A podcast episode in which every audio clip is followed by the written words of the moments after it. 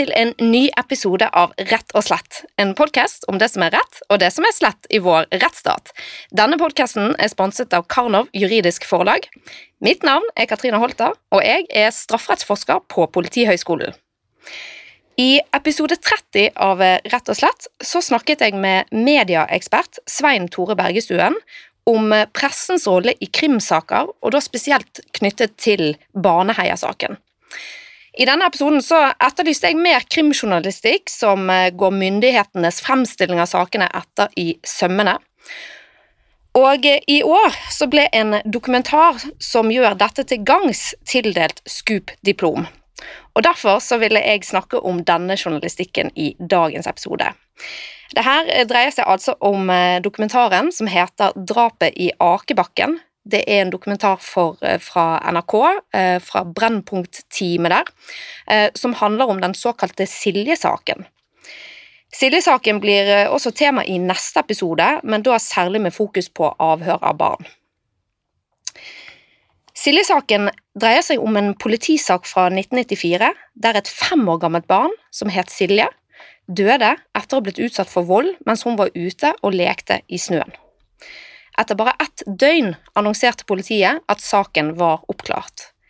Siljes lekekamerater på bare fire, fem og seks år tilsto å ha forårsaket Siljes død, men først etter å ha fortalt noe annet til politiet. Saken ble henlagt, siden guttene jo var under den strafferettslige lavalder, som i Norge er på 15 år. Brennpunkt-dokumentaren stiller en rekke kritiske spørsmål til etterforskningen i denne saken, og da særlig til faren for falske tilståelser som følge av press utøvd mot små barn.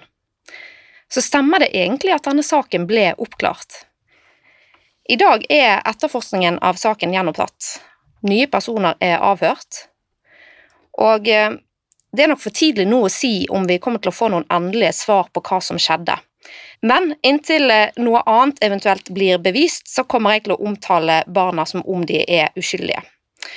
Siden saken ble henlagt, og barna naturlig nok aldri ble dømt i en domstol, så føles det mest riktig, sett i lys av de verdiene som ligger bak uskyldspresumpsjonen. Dette er altså et normativt valg fra min side, ikke et valg tatt på bakgrunn av egne vurderinger av bevisene i saken. I studio har jeg fått med meg eh, en av eh, gravejournalistene bak dokumentaren, Harald Eraker. Og han har også med seg kameracrewet til Brennpunkt her i studio, så det er veldig gøy. Velkommen til Rett og slett, Harald. Takk. Og gratulerer så mye med Scoop-diplomet til deg og dine kollegaer. Jo, takk. Hvordan kom du og dine kollegaer frem til at dere ville lage en dokumentar om denne saken? Ja, Det er faktisk eh, ikke av at vi selv husket eh, Silje-saken.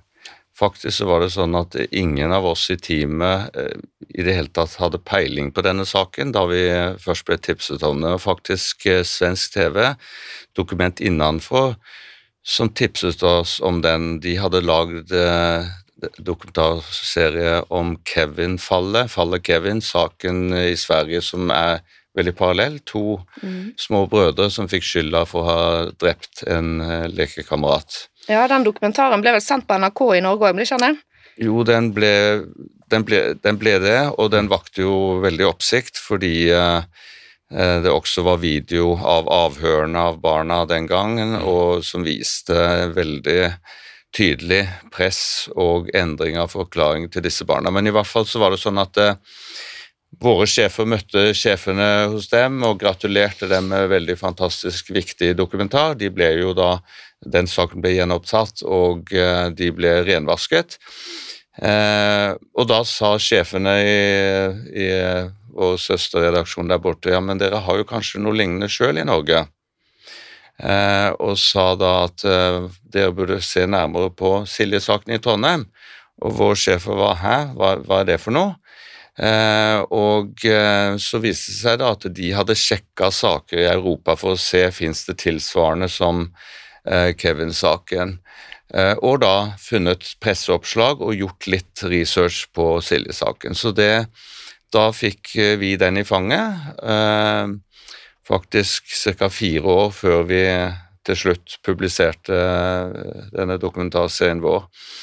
Og det, det er ganske, som, Dere holdt på med det lenge, da? Ja, det, det var ca. fire år eh, før vi publiserte at jeg begynte så vidt å se på saken og ta, ta de første telefonene. Så eh, det var jo veldig spesielt, for med en gang vi liksom så presseoppslagene, så tenkte vi det var virkelig katastrofe presseoppslag de første dagene. Men ingen av oss husket det. altså. Det var jo rett og slett fordi dette ble sett på som en stor tragedie. At tre så små gutter kunne være eh, mordere som hadde tatt livet av lille Silje. Så det ble en slags kollektiv eh, eh, forståelse i pressen at dette skal vi ikke grave mer i. Stakkars barna, stakkars foreldrene, stakkars moren til Silje osv. Og, så og den ble faktisk nærmest borte fra all media etterpå. Mm. Noen oppslag hadde faktisk vært i, i britisk presse, men, men, ellers veldig lite. Så det er en av grunnene til at vi alle sammen var faktisk ikke husket den eh, eller kjente til den. Mm. Så det var begynnelsen. Og Hvordan forsto dere at dette var en sak som det var verdt å dykke videre ned i? Vi visste jo ingenting eh, om hvordan eh, etterforskningen eller noe hadde foregått i saken, men pga. Kevin-saken i Sverige så tenkte vi dette er jo også så små barn. Det var jo sånn at eh, eh Mari og jeg når vi begynte med dette, tenkte at er det mulig at to så, nei, tre så små gutter kan ha tatt livet av eh, deres lekekamerat? Så vi satt jo bare med følelsen at vi må prøve å finne ut hva, hva handla denne saken om.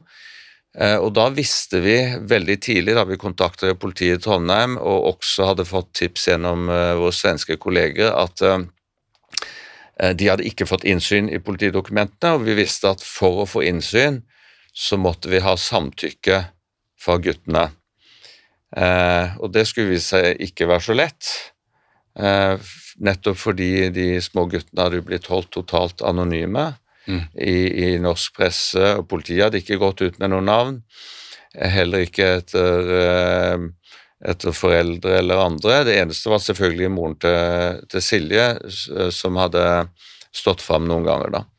Så da viste det seg at vi for å i det hele tatt kunne gjøre den saken, så måtte vi først og fremst lete etter disse guttene og deres pårørende, finne dem. Så det var egentlig som å lete etter en nål i en høystakke, er det ikke mm. det det heter? Du mm. måtte begynne med helt blanke ark og bare begynne å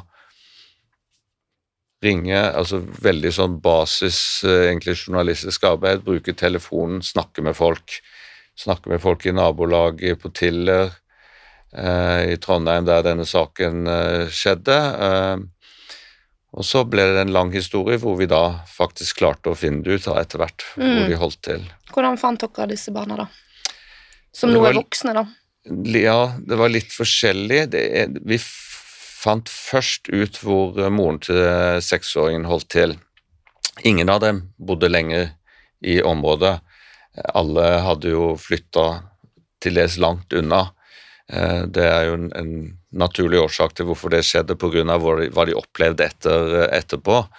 Men, men, eh, vi fant ut at eh, en av mødrene, altså til seksåringen, hadde gitt et intervju i norsk pressen samme dagen som Silje ble funnet død, fordi hennes sønn, seksåringen, hadde sett at det var ungdommer som var slemme med, med Silje.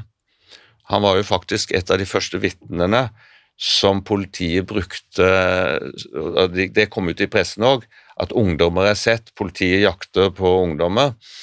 Så hun var jo i god tro og tenkte at hun, hun gjorde samfunnet et tjeneste ved, ved, at hennes sønn hadde sett noe, eh, og hennes navn eh, fant vi fram til.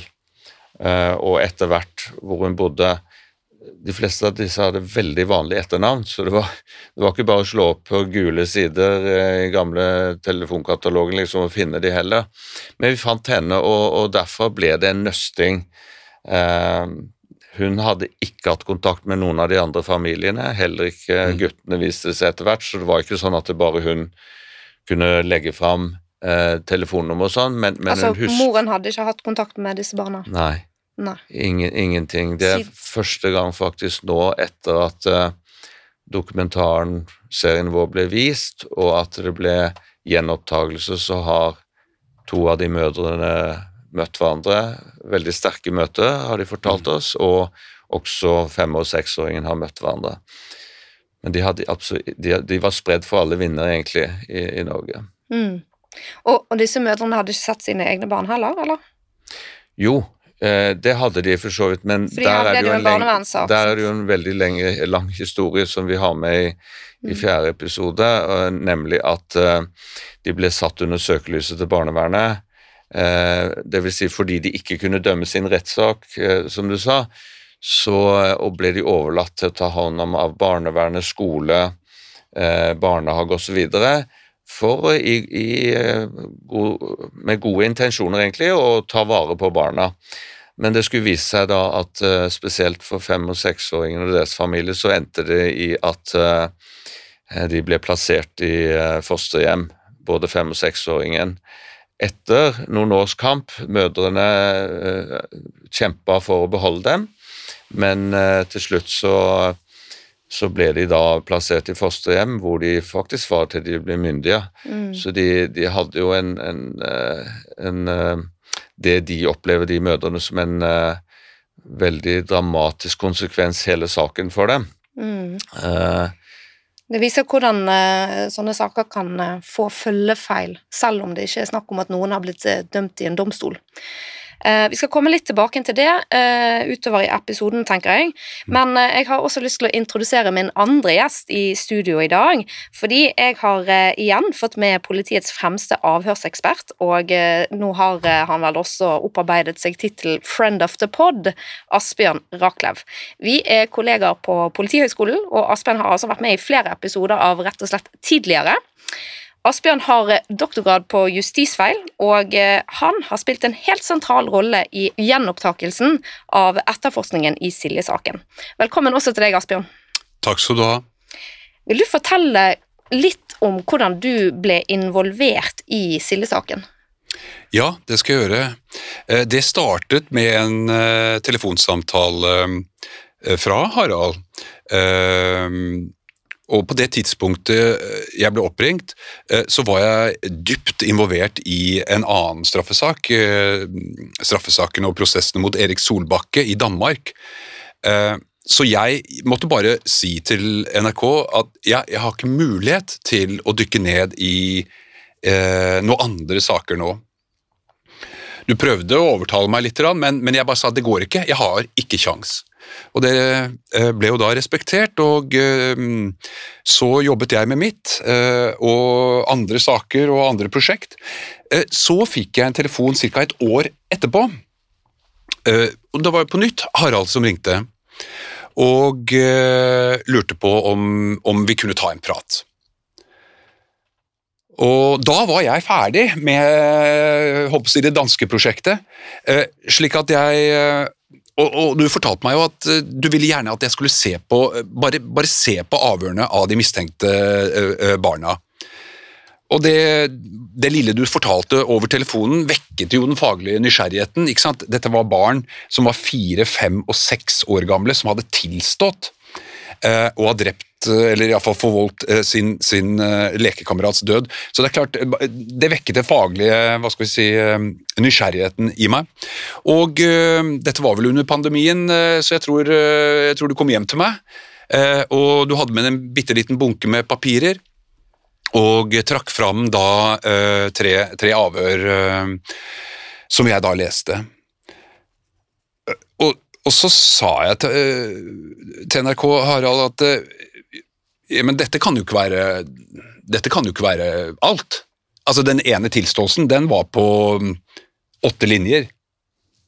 Um, og av, det var vel avhør av femåringen. Var, tilståelsen var to avsnitt. Uh, og, og avsnitt nummer to uh, så står det beskrevet at, at uh, så la vi planker under Silje, og så svevde Silje opp i luften. Og så stoppet avhøret. Og så så jeg på Harald, ja, men hvor er resten av forklaringene, liksom? Altså, nei, that's it. Og da skjønte jeg at dette, dette kan ikke jeg la, la ligge. Uh, og så fikk jeg et dilemma, for hvilket mandat skulle jeg ha? Uh, og, men så kom jeg på en idé om at uh, hvis jeg snakker med Riksadvokaten og forklarer situasjonen, at jeg har lest lite grann, og det jeg har lest av saken, det bekymrer meg så uh, hva skal vi si, betydelig at uh, jeg vil anbefale at uh, du ansetter meg, rett og slett. og gi meg tid og anledning og mandat til å undersøke hva, hva, hva dette er. Og det var en idé som Riksadvokaten øh, var Han likte denne ideen. Så jeg permisjon, øh, fikk permisjon fra politiet og ble da ansatt av Riksadvokaten for å dykke ned i Silje-saken med to hva skal vi si, hovedmandat. Nummer én det var jo å undersøke selve saken, om det var elementer i den som mm, påkallet vår oppmerksomhet på nytt nå i dag. Altså, eh, og så var det jo eh, mandat nummer to, nemlig at norsk politi på det tidspunktet var allerede i gang med utviklingen av nye retningslinjer for avhør av mistenkte barn. I fagforvaltningsapparatet vårt, slik at mandat nummer to på en måte ble å lese meg opp på litteraturen og bruke Silje-saken som en illustrasjon for betydningen da å understøtte den allerede påbegynte utviklingen av nye retningslinjer. Da for avhør av mistenkte barn, ikke sant? Det er jo det som er håper å si, essensen her, å legge til mistenkte barn, hvor vi har hatt en formidabel utvikling av avhør av fornærmede barn. Vi har fått barnehus, vi har totrinns utdannelse, spesialistutdannelse på Politihøgskolen, vi har fire-fem doktoravhandlinger om avhør av fornærmede barn, men ingen eh, utvikling på avhør av mistenkte barn. Um, så um, Men hva er barnehus? Ja, altså Barnehuset er jo, det er jo, det er jo en del av politiet, men eh, dette er jo spesialdesignede hva skal vi si, eh, hus og avhørslokaler som ligger utenfor politistasjoner, hvor, hvor eh, fornærmede barn da blir avhørt av politiet eh, med spesialister eh, i tråd med instruksen om tilrettelagte, eh, eller forskriften for tilrettelagte avhør av, av barn. Eh, så Der foregår det jo bevisopptak, eh, der, der, politiet understøttes av de ansatte eh, ved barnehusene, som har spesialkompetanse knyttet til barns utvikling osv. Der retningslinjene krever at uh, de som gjennomfører disse avhørene, har spesialutdannelse, uh, det er krav til metodikk osv. Uh, men ingenting av den utviklingen er kommet de mistenkte barna til gode. så det er klart, det brukte jeg jo også som et ganske hva skal vi si, kraftfullt argument overfor Riksadvokaten. At, at her har vi en straffesak ehm, der tre små barn eh, er eh, ikke dømt, men har fått skylden for eh, en etterforskning som jeg ganske raskt forsto ble avsluttet før den egentlig ble påbegynt. mine kolleger i Trondheim gikk jo ut et døgn etter at Silje var funnet død, og proklamerte at saken var oppklart. altså, før de før de kriminaltekniske undersøkelsene var ferdig, før obduksjonsrapporten var klar, før, før, før den taktiske etterforskningen uh, ja, var ferdig. Det virker nesten for utrolig, men jeg, jeg, tenker at eneste grunn til at det kunne skje, er nok også fordi at uh, de nettopp ikke da gikk ut, skulle ut med en tiltale. ikke sant? Man tenkte at, at dette skulle henlegges, man skulle da ta vare på barna, ja. skjerme de mest mulig. Absolutt. Uh, så, så, så, jeg har et kapittel i, i min sakkyndige rapport Uh, som heter eh, 'Justisfeil i beste hensikt'. Mm. Uh, for jeg tror du har helt rett i det, Harald, at intensjonene til våre kolleger, og etter hvert også da media, var at her, nå, nå, må vi skjerme disse barna. problemet med det var jo at konklusjonen ble truffet prematurt og på sviktende grunnlag. Mm. Ehm, du har jo eh, levert en eh, rapport til Riksadvokaten som du har nevnt nå, der du har mm. analysert saksdokumentene i Silje-saken. Jeg har lest den, den er veldig god. Kan uh, lytterne finne det på nett? Ja da, det, det, det kan de, og uh, Ligger den på Riksadvokaten sin nettside, kanskje? Uh, ja, I alle fall på Politihøgskolens. Ja. og nå har Politihøgskolen og ved forskningsavdelingen har jo nå gitt den ut. Den ble publisert i bokform. Uh, For, Trykket den nå i forbindelse med forskningskonferansen som var her på Politihøgskolen for et par uker siden. Ja. Men, uh, så Vi skal komme litt tilbake til eh, rapporten din og dine funn der, men Harald jeg, uh, altså, Dere har jo i Brennpunkt-dokumentaren så har jo dere tatt i bruk eksperter i stor grad, som er med og kommenterer gjennom hele denne dokumentaren. Eh, og, og, det fungerer jo veldig godt for seeren, altså at man blir jo veldig opplyst på hva som skjer. ikke sant? Uh, sånn at det, det, har dere fått til på en veldig sånn fin pedagogisk måte, syns jeg. Uh, men hva tenker du, altså hvor viktig var disse ekspertene for, for dokumentaren deres? Jeg tenker det er avgjørende, fordi da vi til slutt fikk tak i politidokumentene, og gjennom å få, få samtykke fra involverte, og vi leste de sjøl og gikk veldig nøye gjennom de, og, og, så satt vi jo med masse spørsmål.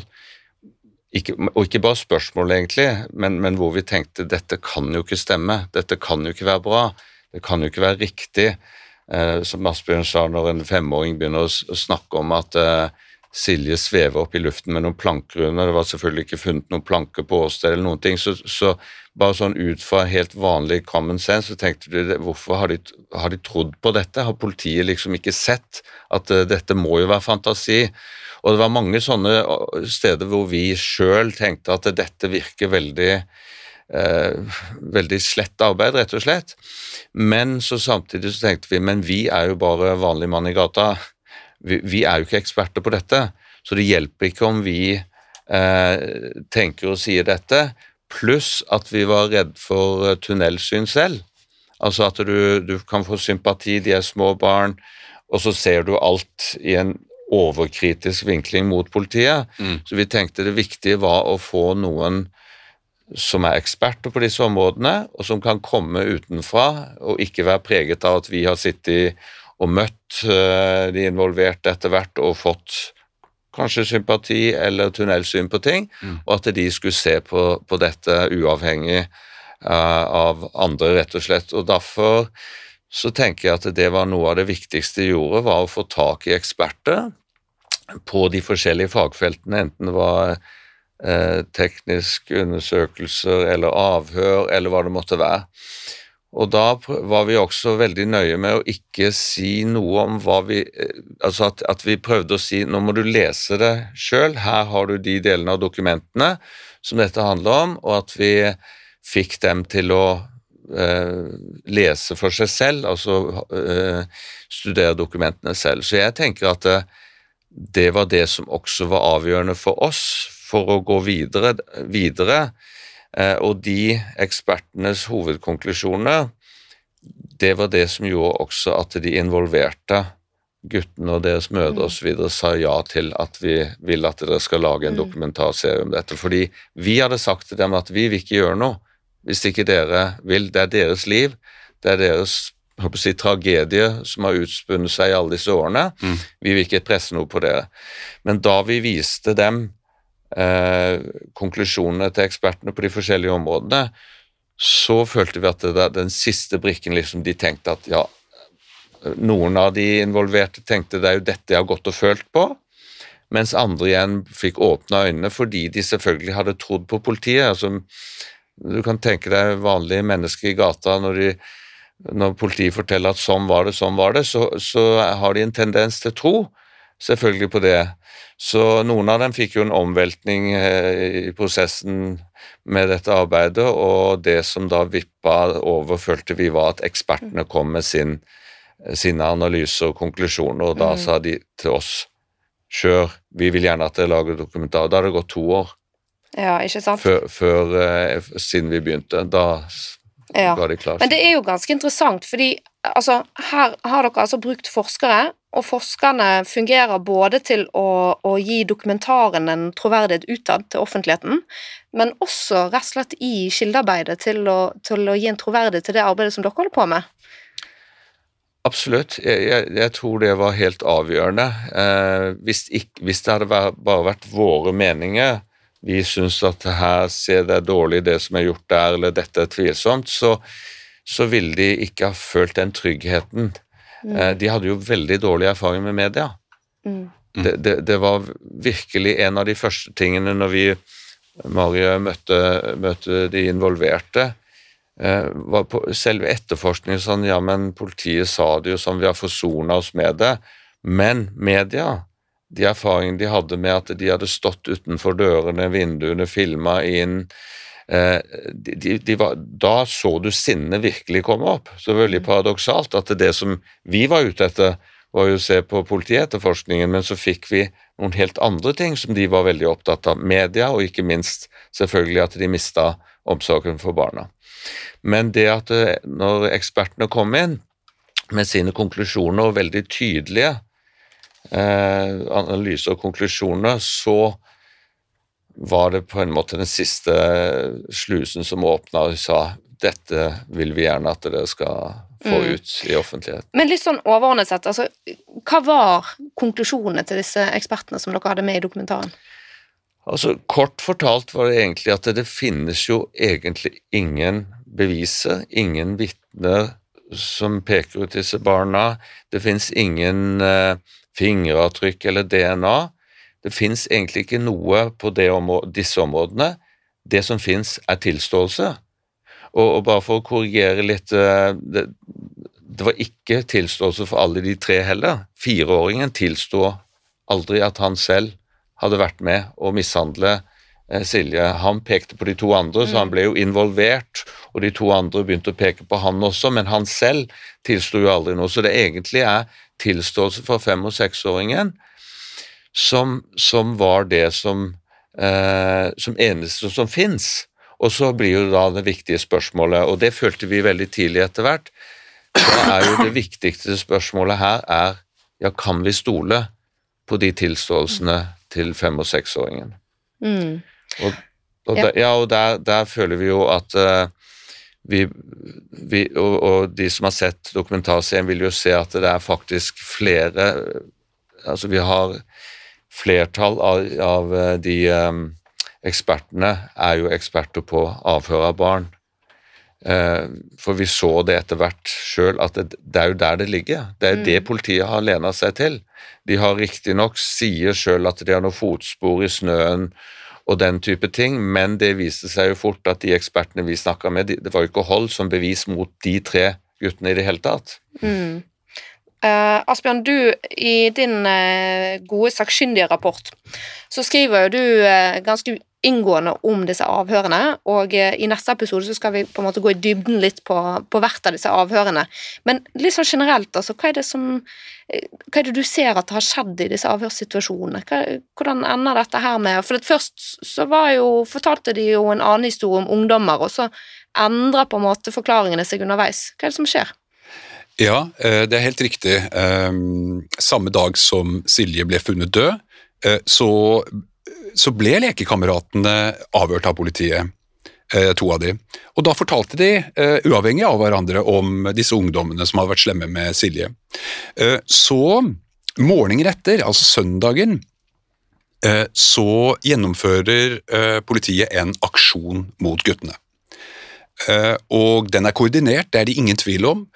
Og eh, det er heller ingen tvil om at formålet med denne aksjonen, det var å få barna til å tilstå at det var de som sto bak. Mm, og med aksjon så mener du at disse tre ble innhentet til politihuset samtidig, Ja, uavhengig av hverandre. ja. Og eh, de fikk beskjed om å eh, Mødrene fikk jo beskjed om å ta med klærne som eh, barna hadde på seg dagen før, og de ble jo beslaglagt.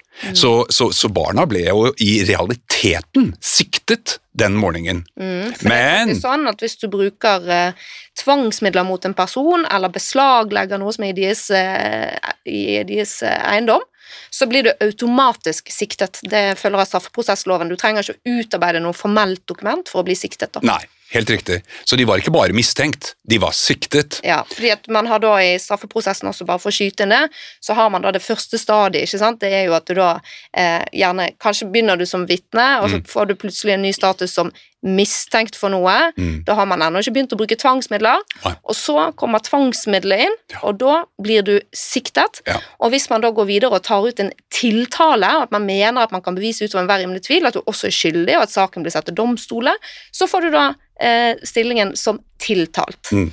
og til slutt eventuelt som domfelt. Ja.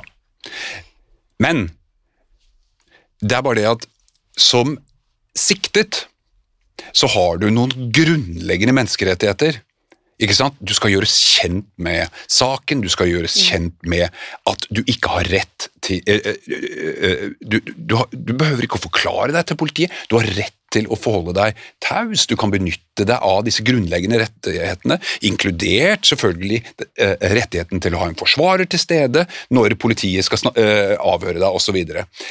Men mine kolleger de bestemte seg for å eh, kalle det samtaler.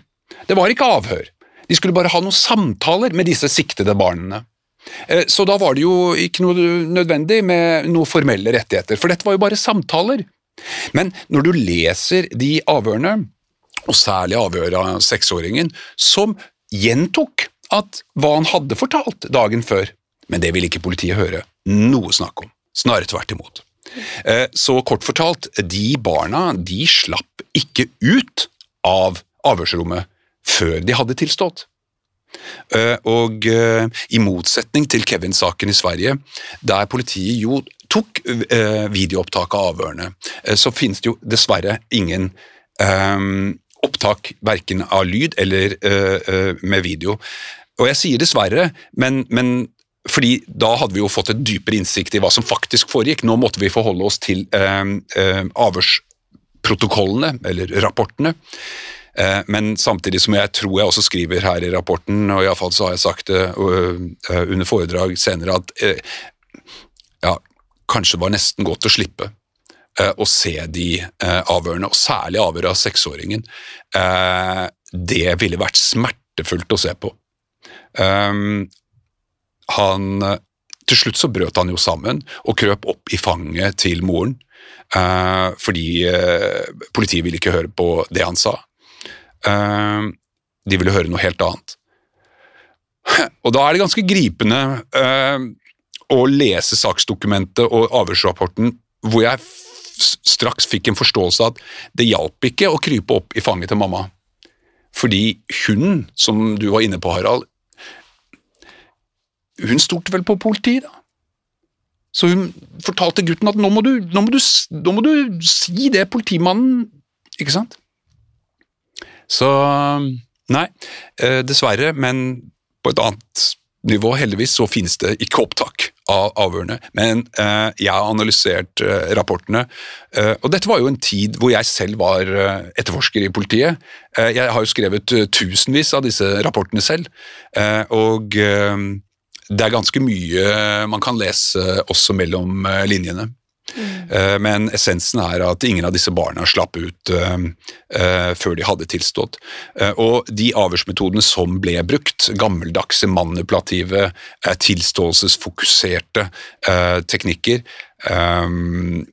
gjør at de tilståelsene som jeg skriver i rapporten min, de er ikke verdt papiret de er altså skrevet på med tanke på en bevisverdi. Da. De ville aldri i, i dag eh, blitt fremlagt som noe bevis. Eh, de er blitt avskåret eh, lenge før de hadde kommet til hovedforhandling. Mm. Harald, hvordan har det gått med disse barna? Altså, dere har jo med femåringen og seksåringen i dokumentaren, eh, som jeg syns er veldig modig at de stiller opp. Men hvordan har det gått med dem? Jeg vil jo si at det har vært eh, en reise for dem nå. altså Vi har jo kjent dem i fire år ca. Eh, vi har jo opplevd en reise eh, og en forandring hos dem, vil jeg si, som går ut på at de opplever å bli hørt. De har jo spesielt femåringen har gått med en veldig skyldfølelse, har til og med gått rundt og, faktisk sagt til andre jeg ser dette, jeg var den som drepte Silje og sånn. Eh, sånn at det De har nok, spesielt han, hatt en veldig sterk skyldfølelse. Eh, dette er jo offentlig kjent at, eh, gjennom pressen at Siljes mamma har jo sagt det offentlig, at hun har møtt han tilfeldigvis på gata, og han har sagt det var jeg som drepte Silje, jeg er så lei meg, og den type ting. Så, så det, det, vi først og fremst opplever nå, er jo en, en, slags eh, løft i deres liv i forhold til denne saken. Ikke minst når det etter dokumentarserien med en gang, nokså med en gang, statsadvokaten bestemte at den skulle gjenopptas, at den skulle etterforskes på nytt. det var en fantastisk opplevelse å se hvordan de på en måte fikk en, en allerede der egentlig en oppreisning. En følelse av at endelig er det noen som vil høre på, på dem hvordan de har opplevd ting. Nå er det jo slik også at eh, barnevernet skal granskes i tillegg, så, så, det er jo også veldig viktig for dem. Eh, så, så de er nok, de, Og de er nok veldig spente nå. Hva skjer? Hva kommer eh, den nye etterforskningen til å ende opp i? Mm. Men de har jo faktisk sagt at det bare det at Brennpunkt har lagd denne serien, at det har kommet ut, at, at du hører eksperter si hva de mener, eh, og bare det faktum at saken gjenopptas, er for dem en, en seier og en endring i deres liv. Og, og, det har også gjort noe i relasjonene mellom de familiene, to av familiene. Det må, må sies veldig klart også fra at eh, fireåringen og deres familie ønsket jo ikke å være med i dokumentaren. De har sine grunner for det, som, de, som vi er eh, viktig for oss å respektere. Men de to andre familiene har dette sveisa sammen på en måte.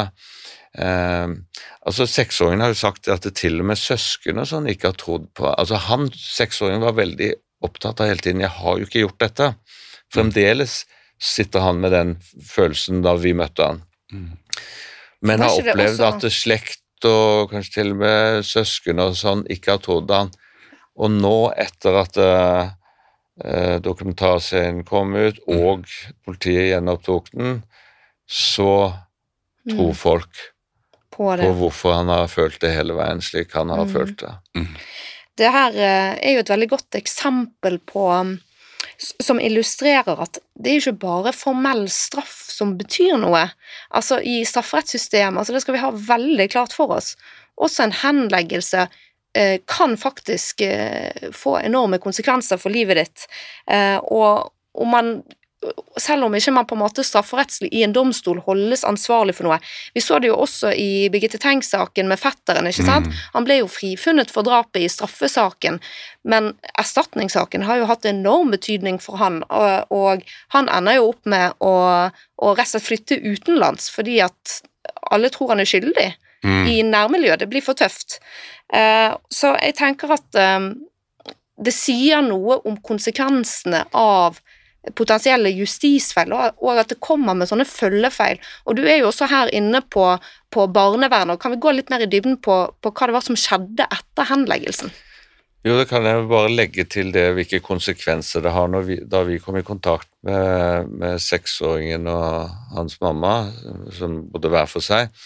Begge fortalte jo at de ikke hadde fortalt noen Altså, de hadde flytta, starta et nytt liv et helt annet sted i Norge ingen visste, ingen av deres venner eller arbeidskolleger eller noen visste deres, om deres fortid. Det var faktisk så skjult at da vi til slutt fikk ja fra seksåringen til at vi kunne reise til han og møte han, så sa han dere må først vente litt, for jeg må snakke med min samboer, hun vet ikke.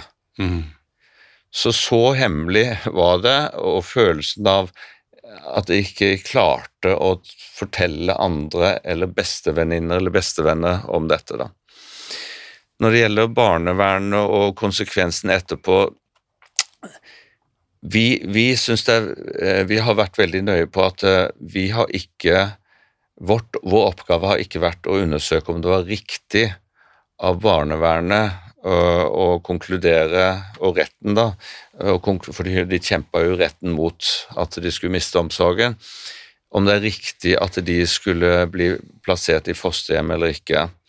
Eh, det som var viktig for oss å se hvilke konsekvenser eh, fikk eh, det at de ble utpekt som, som da drapsmenn, egentlig.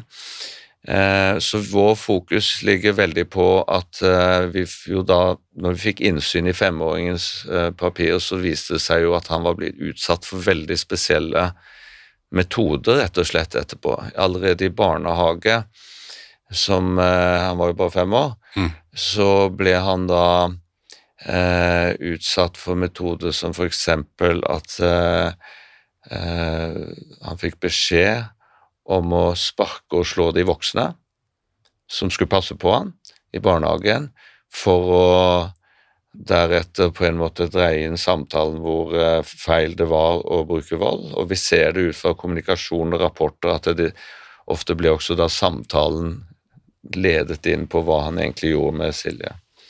Fordi det som, sånn etterpå, det som skjedde etterpå, Ja. var jo at han gjentatte ganger sa han ikke har gjort det.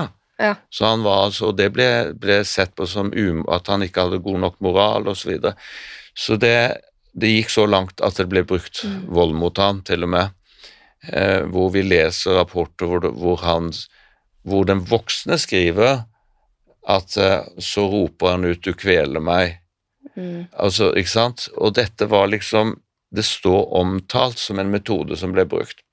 En annen ting er jo at eh, den høsten allerede, de månedene etterpå, så var han gjentatte ganger på grava og på åstedet med fullt av voksne, hvor de angivelig skulle bearbeide det, det han hadde gjort, og hvor det ble spurt masse spørsmål ja, hvordan gjorde du det egentlig, hva sa Silje da, osv. Så, videre. så disse tingene følte vi var de som var virkelig hvor du kunne se direkte konsekvens av at de var pekt ut som skyldige i Siljes død. Så var det selvfølgelig en kjempetragedie for hele familien at, eh, at eh, det endte med at eh, ikke bare femåringen og seksåringene, men også de hadde hver sin søster, ble også plassert i omsorgshjem. Eh, foster, fosterfamilie, og faktisk ikke i samme familie heller, de ble Ja. splitta opp. Men hvordan kunne det skje? Altså, Hva var begrunnelsen for at barna skulle Ja, altså, begrunnelsen var den sånn som man ser i veldig mange barnevernssaker, at de mente altså Fem- og seksåringen bodde hjemme, de var alenemødre. De ble da rett og slett betegna etter hvert som ikke skikket til å ha omsorgen. De så ikke alvoret i hvor eh, på skråplan disse små barna var gått nå, at de trengte spesiell oppfølging. Og så hadde også begge mødrene hatt noe med barnevernet å gjøre før.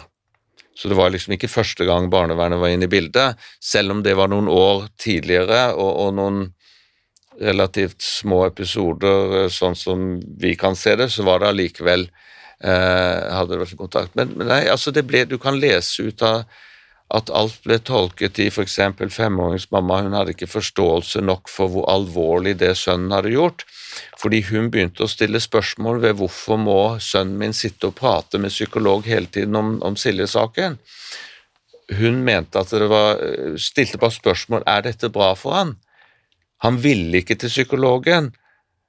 Hun, hun måtte lokke han, han gråt, hun måtte lokke han med godteri og sånn for å få han til å gå inn til psykologen, fordi, og det tolka hun som at han blir jo stilt spørsmål hele tiden om Silje-saken, men da ble hun sett på som vrang. Så du hadde en sånn spiral sånn som, det, som gjorde at det ble bare steilere og steilere fronter. Endte med rettssaker. Eh, Faktisk, femåringens mamma vant jo den første saken. I seksåringens sak så var det jo faktisk sånn at eh, eh, Hva heter det, en sakkyndig i, i eh, retten eh, mente at det ikke var grunnlag for å ta fra eh, moren eh, omsorgsretten. Allikevel så endte det med det.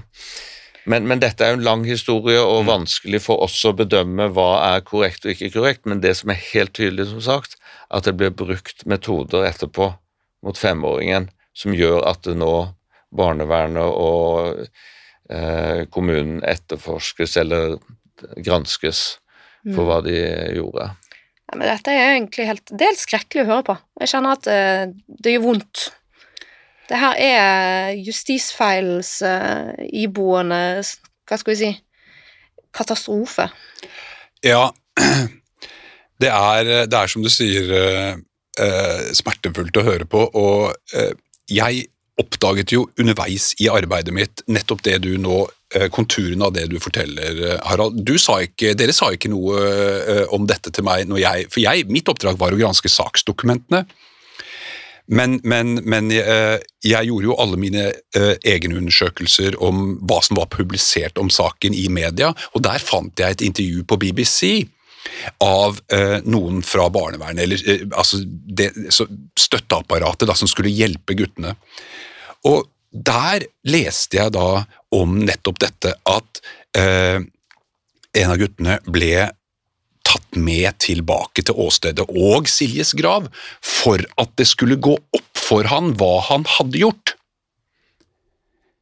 Uh, og det vi vet, det er at det er ikke bevist utover enhver tvil, snarere tvert imot. Jeg tror ikke engang eh, du ville fått varetektsfengslet på det bevisgrunnlaget.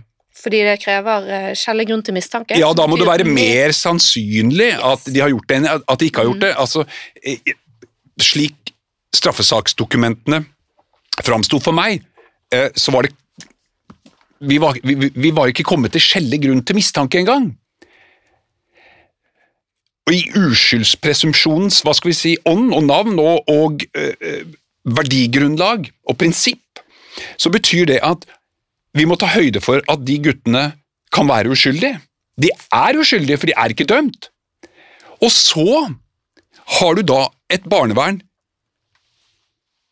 som indoktrinerer dem og påfører dem iatrogene lidelser om at du har drept venninnen din. Det er jo nesten sånn at man skulle i det perspektivet håpe at det var de guttene. For hvis det ikke var det, noe vi må ta høyde for, ja, så er det jo ikke bare begått ett uh, Ikke sant?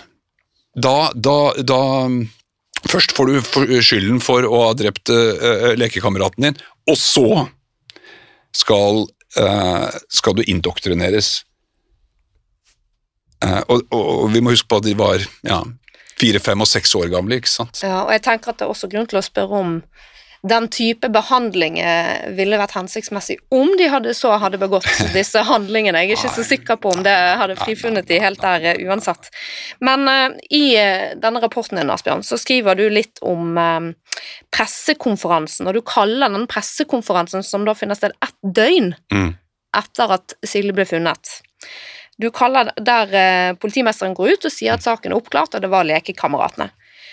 Du omtaler den eh, pressekonferansen som et tipping point. Mm. Hva legger du i det? Ja, um, de seneste 10-15 årene så har jo uh, norsk politi uh, sponset flere doktoravhandlinger. Jeg leverte min i 2009 om justisfeil. Hva er det som går galt når det går galt med politiets etterforskning? Eh, og min konklusjon var jo der at eh, det finnes en, en rekke umiddelbare årsaker. Falske tilståelser eller feil eh, konklusjoner i laboratorier osv. Vitner som tar feil osv. Dette er de umiddelbare årsakene. Men så har vi de underliggende årsakene, nemlig de ulike formene for ubevisste kognitive forenklingsstrategier, eller altså bekreftelsesfeller. De, går, de er de underliggende årsakene, og de ser vi i hver eneste sak vi undersøker. Ikke bare i Norge, men internasjonalt. Så det var på en måte konklusjonen. Eh, og den konklusjonen tok jo Ivar Fasing eh, eh, tak i i sin doktoravhandling, hvor, som handler om politiets etterforskning og beslutningspsykologi. Og der snakker Ivar om the tipping point, der altså eh, politiet går til det et, et, skritt som gjør at nå er det ikke noe vei tilbake, på en måte. It's a tipping point. Nå handler alt om eh, egentlig å understøtte konklusjonen som er trukket.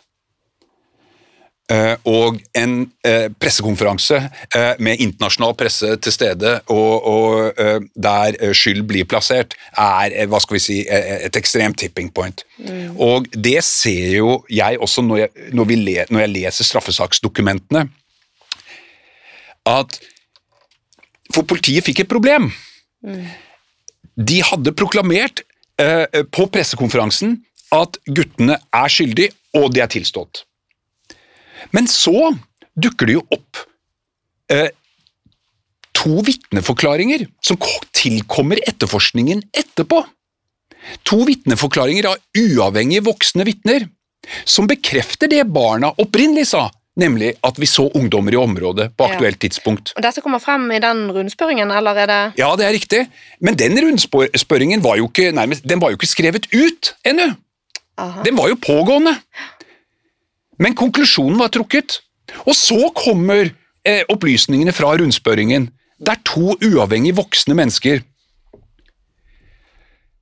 forteller nøyaktig det samme som barna hadde fortalt, nemlig at det var ungdommer som var slemme med, med Silje. Så hva skal da politiet gjøre med disse opplysningene, som kommer etter at tipping point har funnet sted? Etter pressekonferansen. Og når jeg fant det dokumentet, som lå helt bakerst i saken, innredigert på et merkelig sted i saken, så ble jeg først forvirret, fordi da tenkte jeg oi, her må jeg ha oversett noe i min analyse. Ehm, jeg trodde egentlig ikke at jeg hadde det, fordi min oppgave var utelukkende å, å, å granske hvert eneste dokument i saken, men jeg kjente ikke igjen disse navnene. Og dette var jo nøkkelvitner, øyenvitner, eh, eh, helt sentrale. Eh, de hadde ikke sett Silje bli mishandlet av ungdommer, men de hadde sett ungdommer i nærheten til aktuelt tidspunkt. Akkurat det samme som barna fortalte. Og så måtte jeg gå opp i, i saksdokumentet igjen for å finne avhørene av disse eh, uavhengige voksne som hadde sett dette. Men de var ikke der. De var ikke avhørt. Og da kommer jeg til et punkt i analysene mine hvor, hvor, hvor jeg er nødt til å på en måte Ja, er det, er det korrupsjon, ikke sant? Altså, er, Har politiet med viten og vilje Men altså, korrupsjon i den gode saks tjeneste, da. ikke sant? Nei, bare, disse, må, disse vitnene må ha tatt feil. Eh, så vi, vi, vi, eh, vi, forsterker ikke feilen ved å, ved å avhøre dem. Altså, I beste hensikt. Men for meg så er det i denne saken, og, og, og, tilsvarende hva skal vi si, straffesaker, så er det så sterke utslag av bekreftelsesfellene at eh, For vi vet gjennom forskning, ikke inkludert Ivar eh, Fasings doktoravhandling, vi vet at mennesket har en tendens til at når vi mottar opplysninger eller informasjon som indikerer en annen løsning enn den vi mener å vite, så har mennesket en ubevisst tendens til å bortforklare, eller i verste fall bare ignorere den informasjonen. Mm. Jeg tror, altså, det er jo sånn at Både politiet og påtalemyndigheten de har en objektivitetsplikt i alt de gjør. Eh, de skal eh, på en måte ikke være en partsrepresentant for eh, staten.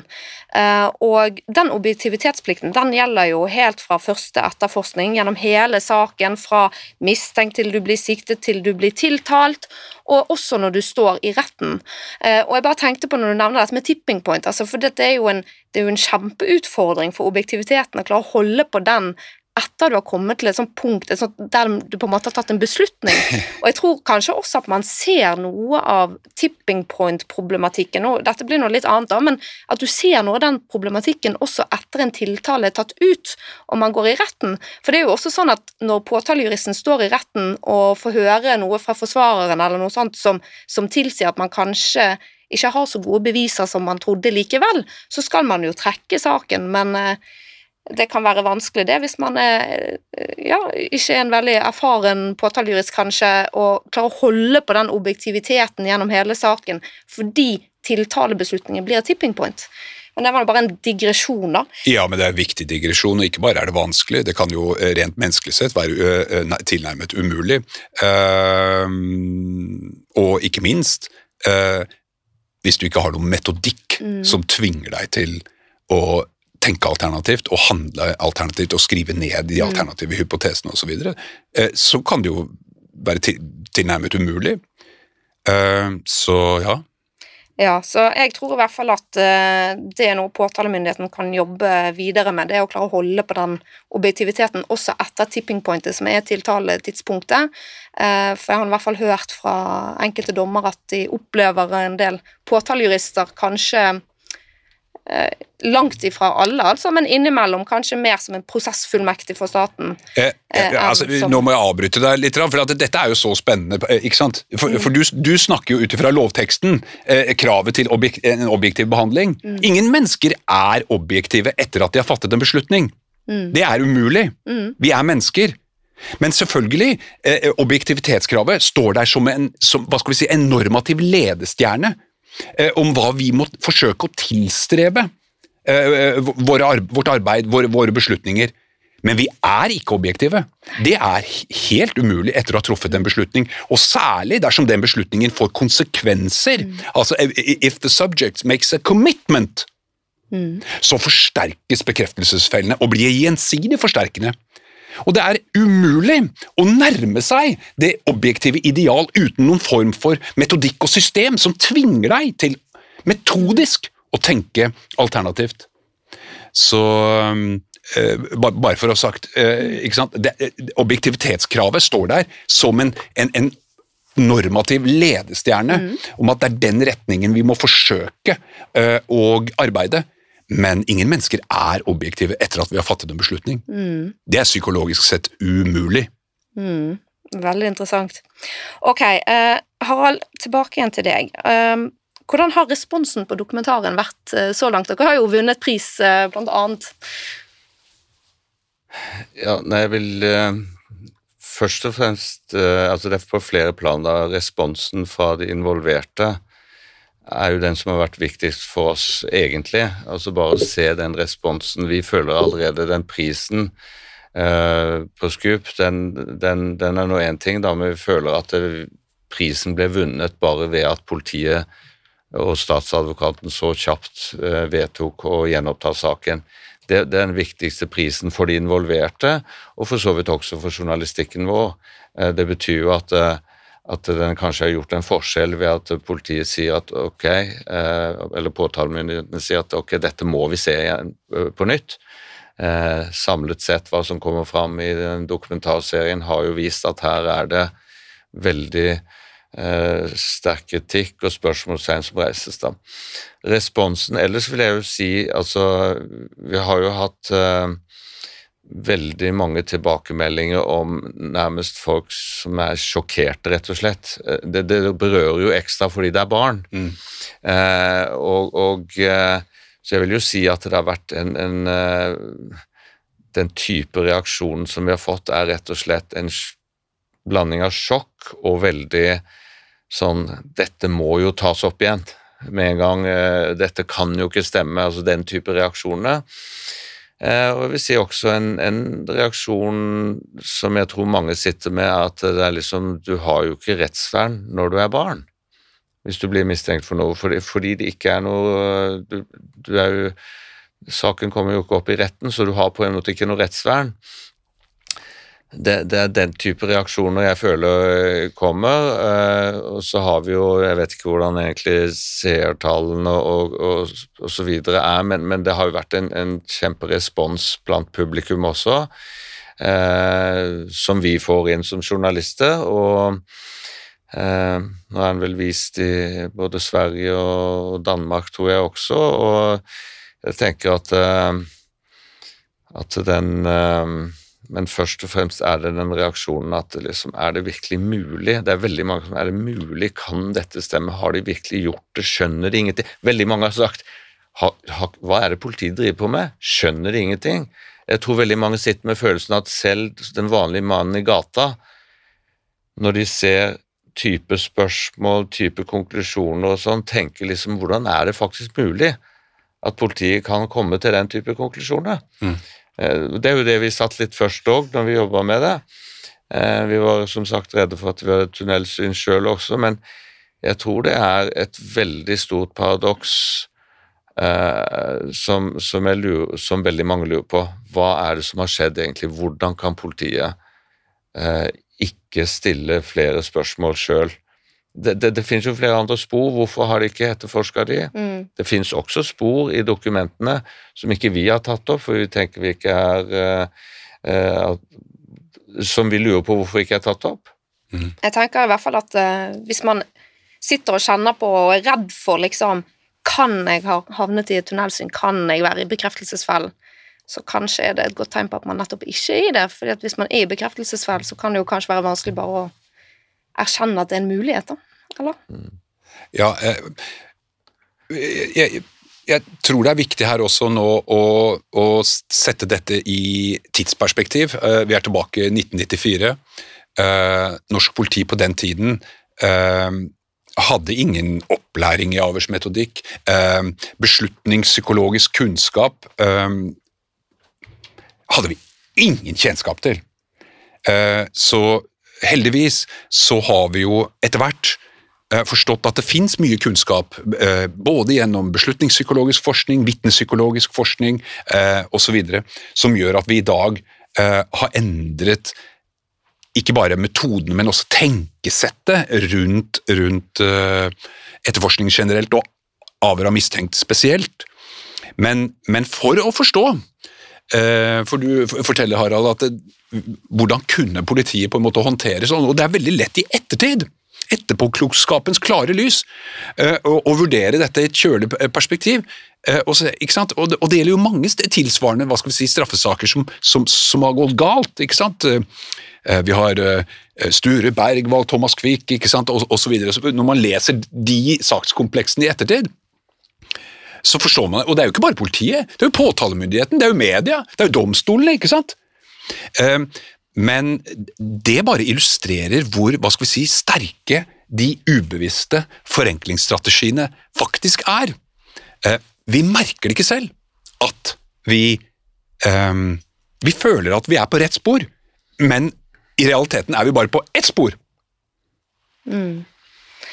Um, krimjournalistikk det er jo vanskelig, og en av grunnene til at krimjournalistikk er vanskelig, er fordi at pressen som det klare utgangspunkt ikke har innsynsrett i etterforskningsdokumenter, og det er det jo gode grunner til, selv om eh, man kan diskutere om det bør løses opp litt, og der er det jo eh, utført en eh, en kvinnes utredning faktisk på det spørsmålet av Ragnar Aarli, som er professor på UiB, og som har vært med i denne podkasten før, og som kanskje kan bli et tema til en annen gang.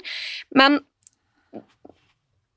hvordan Altså, med, gjennom arbeidet med denne dokumentaren, har dere fått noen innsikter om hvordan krimjournalister kan jobbe godt med krimsaker, sånn at det på en måte ikke bare blir en ren fremstilling av Eh, myndighetenes eh, fortelling om denne saken, kanskje med en liten kommentar fra en forsvarer som ikke har noen form for gjennomslagskraft?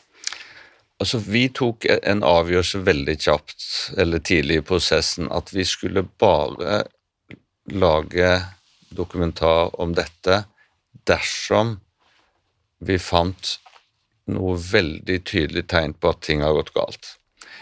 Vi skulle ikke lage en krim bare for å lage en krim fordi det er tragisk, spennende. Her er det mindreårige barn, spesiell sak å se, så havna de i, i, i fosterhjem osv. Vi skulle ikke det. Vi skulle og det sa vi veldig klart fra til de involverte, og de var selv opptatt av det, for det var mange medier, noen medier hadde spesielt kommet i kontakt med femåringer pga. hans situasjon med rusmisbruk og sånn, så var jo han den ene som Ja, for han som, ble jo rusavhengig og fikk jo egentlig et, eh, et ganske vanskelig liv også som voksen. Han har hatt et veldig hardt og vanskelig liv, ja, ja, og det er en lang historie, men poenget var at eh, de ville ikke de, vi, vil, vi, sa veldig klart fra dem vi må se først hva finner vi. Når vi så politidokumentene og fikk veldig store spørsmålstegn og tvil selv på om dette var noe bra gjort, så kontakter vi altså eh, ekspertene. Og når de kom med sin veldig entydige, skarpe kritikk, så tenkte vi nå er det grunnlag for en dokumentar. Vi vil ikke lage en dokumentar om en sak som bare ender med at nå har vi skildra en, en, krimsak og ferdig med det. Det måtte være grunnlag for at, det, at det noe eh, var alvorlig feil med den. Eh, så det, det, det, tenker jeg er en viktig ting. For vi, jeg, jeg, føler av og til at vi ser krimdokumentarer og artikler hvor du bare beskriver eh, en drapssak da og sånn og sånn. Og så er det krim, og selvfølgelig mange syns jeg syns krim er spennende sjøl når det gjelder fiksjon, men så er det bare en beskrivelse uten at det skjer noe. Det er egentlig ikke granska. Det er bare beskrevet, og det var vi veldig opptatt av at vi, det skulle være en, en uh, dokumentar kun hvis det var noe som var behov for å granske. Det tror jeg også hjalp i forhold til uh, de involverte, for da skjønte de at vi er ikke ute etter bare å si, ikke for forkleinelse for andre, men en sensasjonshistorie. Uh, men, men, det var et formål. Formålet var uh, å granske den, da. Mm. Vi nærmer oss nå avslutningen på dagens episode, men uh, Harald, kan du si noe om hvor denne saken står i dag? Ja, altså Den er under, under full etterforskning nå, og Dette ble jo annonsert fra statsadvokaten før jul, at den skulle gjenopptas, og så ble det nedsatt en gruppe. Det ligger jo under politiet, Trøndelag politidistrikt. Hvilket må jo si at det er flere som tenker ja, skal de granske seg selv og sånn. Det er spørsmål som kommer veldig opp der, da. Men, men de har da det vi vet, er at det er innkalt en rekke vitner, bl.a. nye vitner som ikke ble avhørt i 94. Vi vet at det foretas nye analyser av alt og vurdering av alt fra det rettsmedisinerne gjorde den gang, til etterforskningen av tekniske eh, spor osv. Eh, vi vet at, eh, at det kommer rapporter etter hvert fra fagfolk nå innenfor politi, Kripos osv. som kommer til politiet, og at når de er ferdig med det, det, arbeidet, så skal det leveres til statsadvokaten, som skal gå gjennom det, og da legge fram sin påtaleavgjørelse, er det vel de kaller det. Eh, når dette blir, vet vi ikke. Eh, politiet holder foreløpig kortene tett til brystet der. Jeg tror ikke nødvendigvis de vet det sjøl ennå, for det er mye de skal gå gjennom. Eh, men det ser i hvert fall ikke ut som det blir før sommeren, sånn som det ser ut nå i hvert fall. Men vi vet ikke. Eh, altså de, de eh, vi har jo hatt en historikk med, med politiet i Trondheim som ikke er bare rosenrødt. De har nok ikke eh, satt pris på alt vi har gjort, og dermed har de ikke akkurat alltid vært villige til å dele ting med oss, sånn sett, da. Men vi får se. Ja, og så lager dere jo en ny episode til dokumentaren, og er jo med her i studio og filmer i dag. hva er det den siste episoden skal handle om? Går det an å gi en liten snik Altså, vi, vi, tenker at det er naturlig at vi følger prosessen videre til statsadvokaten legger fram resultatet av politiets etterforskning. Sånn at det i hovedsak så går det rett og slett på å følge prosessen videre.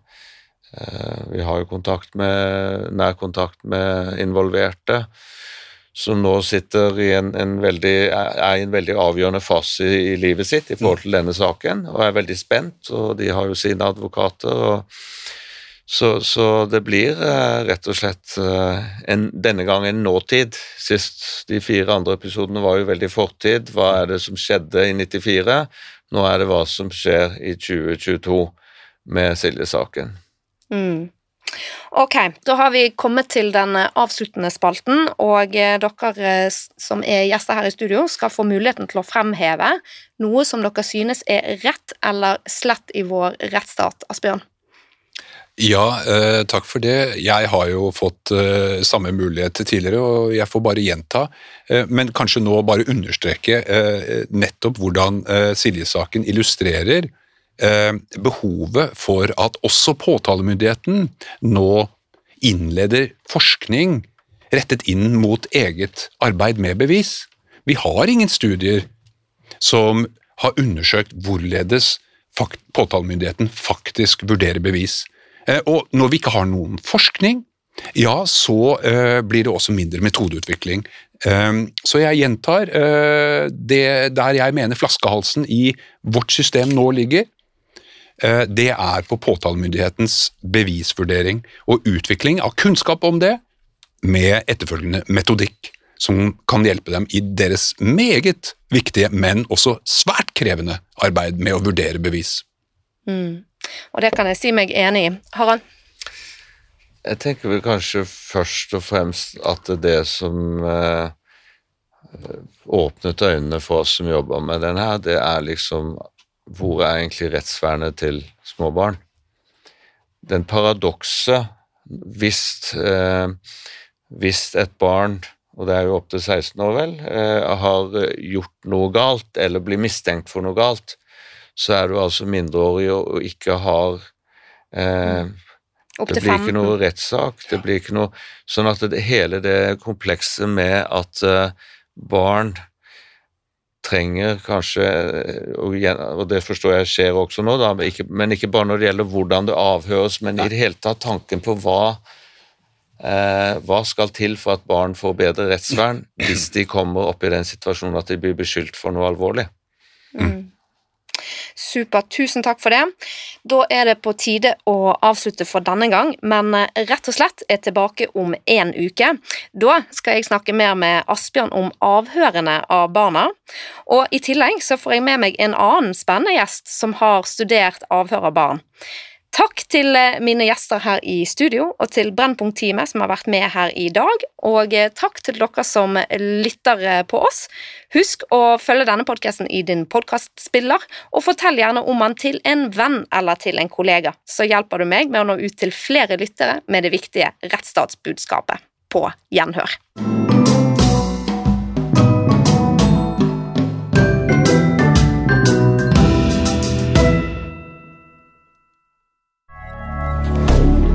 Moderne media.